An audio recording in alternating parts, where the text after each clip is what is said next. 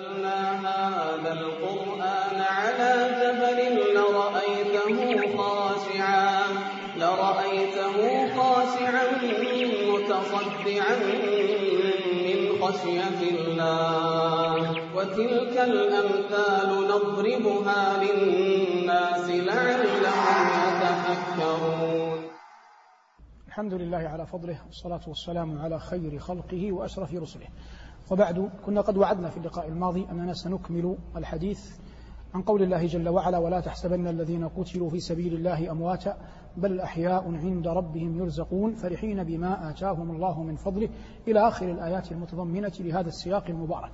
وبينا في اللقاء الأول أن الله جل وعلا بعد أن بين ما كان من حال المنافقين وتثبيطهم الناس بحجة الموت ذكر هنا كما سيأتي قال جل ذكره ولا تحسبن الذين قتلوا في سبيل الله أمواتا. اللام هنا اللا ناهية بالاتفاق لا الناهية. وتحسبن هذا الفعل أصله حسب هذا مضارع منه والعرب تزعم أو النحاة يقولون إن الأفعال الناسخة للمبتدأ والخبر ثلاثة أقسام كان وأخواتها ثم أفعال المقاربة والرجاء والشروع وهي الثانية والثالثة ما يعرف بظن وأخواتها. ويقولون إن ظن وأخواتها هذه تنقسم إلى قسمين أفعال قلوب وأفعال تحويل. وأفعال القلوب تنقسم كذلك هي نفسها إلى قسمين أفعال يقين وأفعال تدل على الرجحان. فحسب بمقتضى كلام العرب تدل على الرجحان. لكنها هنا تبين الأمر بجلاء. يقول رب العالمين ولا تحسبن الذين قتلوا في سبيل الله أمواتا بل أحياء. بل قبل أن نأتي للمعنى تسمى عند العرب أداة إضراب. وإذا كان ما بعدها جملة فهي إضراب على كل حال إن كان بعدها مفردا أو ما كان بعدها مفردا أو جملة. لكن إما أن تكون إضراب إبطال وإما أن تكون إضراب انتقال. إما أن تكون إضراب إبطال أو إضراب انتقال. من هذا التأصيل النحوي نأتي لمعنى الآية. قال أصدق القائلين ولا تحسبن الذين قتلوا في سبيل الله أمواتا بل أحياء عند ربهم يرزقون. تلحظ أن الله جل وعلا أثبت لهم الوفاة والموت بقوله قتلوا. وأثبت لهم الحياة بقوله أحياء عند ربهم يرزقون. فعندما يقال إن فلانا مات ويورث تزوج زوجته من بعده ويدفن في الأرض هذا بمقتضى قول الله جل وعلا قتلوا. وعندما يقول قائل إن الشهداء أحياء عند ربهم يرزقون فرحين فهذا بمقتضى قول الله جل وعلا بل أحياء عند ربهم يرزقون. وهذا خبر عن الشهداء. على خلاف بين العلماء هؤلاء الشهداء شهداء ماذا؟ هل الآية نازلة نزلت في شهداء بدر أو في شهداء أحد أو في شهداء بئر معونة؟ والصواب أنها إلى إلى شهداء أحد أقرب لكنها تعم كل شهيد قتل في أرض المعركة وأراد بحربه إعلاء كلمة الله. أراد بحربه وجه الله. قال ربنا ولا تحسبن الذين قتلوا في سبيل الله أمواتا بل أحياء عند ربهم يرزقون. الروح أيها المبارك لا لا تفنى. إنما موتها أن تنفك عن ماذا؟ تنفك عن الجسد. وأحياء المؤمن وأرواح المؤمنين حية. لكن حياة الشهداء حياة أرواح الشهداء أعلى مقاما من حياة أرواح من مات من المؤمنين. لهذا خصها الله جل وعلا بالذكر. وإلا لو كانت أرواح الشهداء مثل أرواح غيرهم لو كانت أرواح الشهداء مثل أرواح غيرهم لما أصبح في الآية للآية معنى. لكن قول الله جل وعلا بل أحياء عند ربهم يرزقون. المعنى بل هم أحياء عند ربهم يرزقون. وجيء بقول الله جل وعلا عند ربهم يرزقون لتأكيد أن هناك حياة حقيقية لهم حياة أرواح لكننا نجهل كنهها وإن جل ما ورد أن أنهم في حواصل طير خضر تأوي إلى قناديل محلقة في ظل العرش. تأوي إلى قناديل من ذهب محلقة في ظل في ظل العرش وتسرح في الجنة وتأكل من ثمارها. وهذا مما عده الله جل وعلا للشهداء لأن الشهادة ليست بالأمر الهين. الله يقول ويتخذ منكم شهداء. خالد رضي الله عنه وأرضاه حارب مئات المعارك وما كتب الله له أن يموت شهيدا. قال الله جل وعلا بل أحياء عند ربهم يرزقون فرحين بما آتاهم الله من فضله الفرح قسمان. فرح يتعلق بالملذات الأخروية. وهذا محمود على كل حال وهو المراد بالآية. فرح يتعلق بالملذات الأخروية وهو محمود على كل حال وهو المراد بالآية. وفرح دنيوي بالملذات الدنيوية وهذا ينقسم إلى قسمين. ملذات دنيوية تعين على الطاعة فهذا محمود وهو المراد بقول الله قل بفضل الله وب وبرحمته فبذلك فليفرحوا.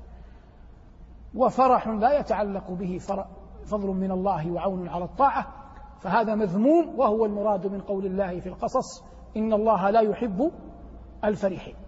فالله جل وعلا هنا يقول فرحين بما آتاهم الله من فضله. من هم الفرحون؟ الشهداء. ويستبشرون بالذين لم يلحقوا بهم من خلفهم ألا خوف عليهم ولا هم يحزنون. هذه الآية فيها معنى خفي حتى تلحظوا الآن نحن نرجح أن الحديث عن شهداء أحد. شهداء أحد خرجوا جمعا مع المسلمين. منهم طائفة قتلت استشهدت. وطائفة ماذا؟ بقيت بقيت أحياء. هؤلاء الشهداء أنعم الله عليهم بما أنعم عليهم عندما قال عند ربهم يرزقون. مع الرزق الحسي الذي أعطاهم الله جل وعلا إياه إلا أن حياة المؤمن الحقة في عالم الأرواح في عالم الفهم في عالم العقول المدركة عن الله كلامه. فجمع الله لهم ما بين المتاع الحسي والمتاع العقلي. أين المتاع العقلي؟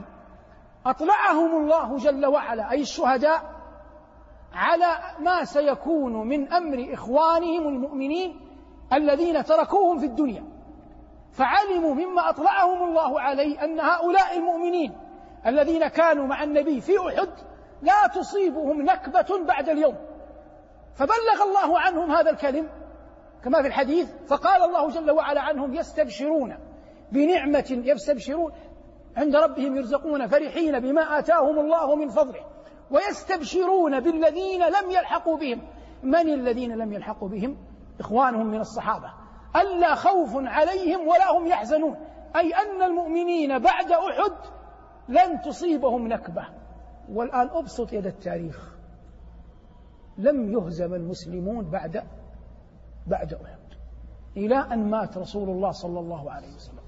كل الثلة المباركة اللي كانت التي التي كانت مع النبي صلى الله عليه وسلم يوم أحد لم تصبها فاجعة في الجيش. حتى قبض رسول الله صلى الله عليه وسلم. نفس الثلة نفسها خرجت في الخندق خرجت في في معركة خيبر خرجت في تبوك خرجت مع رسول الله صلى الله عليه وسلم خرجت في فتح مكة ولم تنكب. قال الله جل وعلا ألا خوف عليهم ولا هم يحزنون. نحرر ما معنى الخوف والحزن هنا. الخوف غم يصيب الإنسان خوف سوء عاقبة. غم يصيب الإنسان خوف سوء عاقبة. هذا يسمى خوف. إذن هو في المستقبل.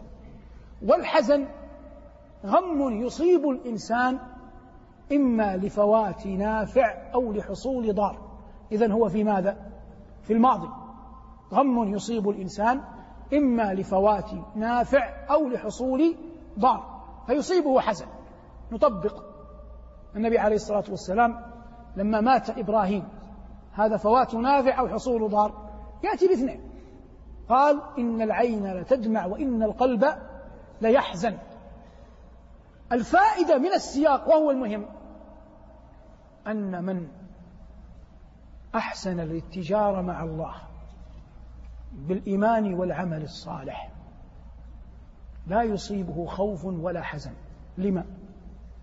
الجواب قلنا ما هو الخوف. غم يصيبك من حلول سوء عاقبة. ولا يمكن لمن كان صادقا في نيته صالحا في سريرته. له من الأعمال الصالحة أن يصيبه سوء عاقبة. اذا انتفى ماذا؟ انتفى الخوف. وما دام صالحا سيقبل على نعمة الله سيدخل الجنة. ولا يمكن أن يحزن أحد على شيء من الدنيا فاته والله قد كتب له ماذا؟ كتب له الجنة محال أن يحزن. هذا معنى لا خوف عليهم ولا هم يحزنون. يستبشرون. الله جل وعلا يقول بنعمة من الله وفضل. والفرق بين الاستبشارين. الاستبشار الأول استبشار لماذا؟ للغير. لأن الله قال الذين لم يلحقوا بهم. أما الثاني استبشار بحصول المسرة للنفس. الاستبشار الثاني بحصول المسرة لماذا؟ للنفس. يستبشرون بنعمة من الله وفضل وأن الله لا يضيع أجر المؤمنين. ومن يريد أن يبقى ثابتا في الدين فليجعل بين عينيه هذا الجزء من الآية وأن الله لا يضيع أجر المؤمنين. فالنفس إقبال وإدبار وإقدام وإحجام. وقد تأتيك نفسك زوجتك ولدك يثبطك عن العمل الصالح. وإنما ينتصر على هوى النفس وعلى ما تقوله الزوجة ويبتغيه الولد ويمليه القرين بقول الله جل وعلا وأن الله لا يضيع أجر المؤمنين. فمن يتاجر مع الله لا يمكن أن يخسر والمتاجرة مع الله جل وعلا إنما تقول على الإيمان والعمل الصالح. وهؤلاء الشهداء ومن معهم من المجاهدين وكل من آمن وعمل صالحا إنما تاجروا مع الله في أعظم شيء وهو وهو النفس. إن الله اشترى من المؤمنين أنفسهم وأموالهم بأن لهم بأن لهم الجنة. هذا ما يمكن أن يقال حول قول الله جل وعلا ولا تحسبن الذين قتلوا في سبيل الله أمواتا على أن الذين قتلوا في سبيل الله من أصحاب رسول الله صلى الله عليه وسلم كثير لكن ممن حفظ لنا التاريخ. قول النبي عليه الصلاة والسلام سيد الشهداء حمزة وحمزة كنيته أبو عمارة وهو أخو النبي صلى الله عليه وسلم من الرضاعة واستشهد يوم أحد قتله وحشي كما مر معنا في دروس سابقة وهو رضوان الله تعالى عليه كان له أعظم البأس يوم يوم بدر. وممن استشهد مع رسول الله مصعب بن عمير وخلق كثير من أصحاب رسول الله صلى الله عليه وسلم وبقي النبي وفيا لهم. فلما أنزل الله عليه قوله اليوم أكملت لكم دينكم نبيكم نبي وأي نبي. بدأ بالأقرب نزلت في عرفة فبدأ بمن حول الناقة. يقول لعلي لا ألقاكم بعد عامي هذا يودعهم ثم أتى المدينة. فبدأ بالأكثر والذين ماتوا من غير شهادة أكثر ممن ماتوا شهادة. فأتى البقيع وودع أهله. ثم رقى المنبر قبل أن يرقى المنبر علم الأنصار بمرضه. فجلسوا في ناحية يتباكون. فجاءهم الصديق والفاروق يسألانهم يسألانهم عن سبب بكائهم. فأخبروهم بمرض رسول الله وشفقتهم من أن يموت. فعاد الصديق والفاروق فأخبروا رسول الله صلى الله عليه وسلم. فصعد المنبر وعليه عصابة يعصب بها رأسه. قال الراوي من الصحابة وما رأيت النبي صلى الله عليه وسلم رقى المنبر بعدها. أي أنها في آخر أيام حياته. الآن هي طرائق وفاء. فقال أوصيكم بالأنصار خيرا فإنهم كرشي وعيبتي وأثنى عليهم. ثم نزل. قبلها وهذا موضوع الشاهد في سياق الحديث ذهب إلى أحد. فأتى, فأتى الشهداء الذين ماتوا في أحد. فسلم عليهم واستغفر لهم وصلى عليهم ودعا لهم يودعهم. بقي أنا وأنت. لم نره ولم يودعنا ولم نودعه لكن بيننا وبينه موعد هو حوضه. فمن رضي بالله ربا واطمأنت نفسه أن الله لا رب غيره ولا شريك معه وأن رسول الله صلى الله عليه وسلم عبده ورسوله حقا بعثه بالهدى ودين الحق فأحب رسول الله وسعى جاهدا أن يستقيم وإن كانت له عثرات وزلات لكنه يتبع الخطيئة بالاستغفار ثم لم يقع منه أذى للناس سلم الله قلبه ولسانه من أن يأتي أحدا من الناس يذمه ولو قدر أن أحدا في أي زمان ممن عرف بالصلاح قال قولا فقهيا غير مقبولا. فإن القول الفقهي يبين للناس بدليله نصحا للدين. لكن القائل لا يجوز لأحد أن يمس عرضه بطرف لأن عرضه محفوظ بقواطع الشرع. إن دماءكم وأعراضكم وأموالكم حرام عليكم كحرمة يومكم هذا في بلدكم هذا في شهركم هذا. فلا يجوز أبدا لأي أحد كائنا من كان أن يمس عرضه ولو بمثقال ذرة. لأن المحفوظ بنص قطعي لا يقبل القدح فيه إلا بنص قطعي بقدر. والكلام في الصفات غير الكلام في الذوات. فالكلام في الذوات في أحد بعينه إنما هذا لأهل القضاء ليس لعامة المسلمين ولا لعلمائهم. فالإنسان إذا راعى هذا بفقه أين مصلحة الدين وأين عرض أخيه؟ مع محبته لرسول الله صلى الله عليه وسلم مع توحيده الذي هو أعظم ما افترضه الله على عباده. فهذا يرجى أن يقدم على الحوض ويسقى من يد محمد صلى الله عليه وسلم. ومثل هذا وإن كان سهلا هينا قوله لكن الثبات عليه دونه خرط القتاد لكن يثبت الله من يشاء وهو يسير على من يسره الله عليه. متعنا الله وإياكم متاع الصالحين. هذا والله أعلم والحمد لله رب العالمين. لو أنزلنا هذا القرآن على جبل لرأيته خاشعا لرأيته خاشعا متصدعا خشية الله. وتلك الأمثال نضربها للناس.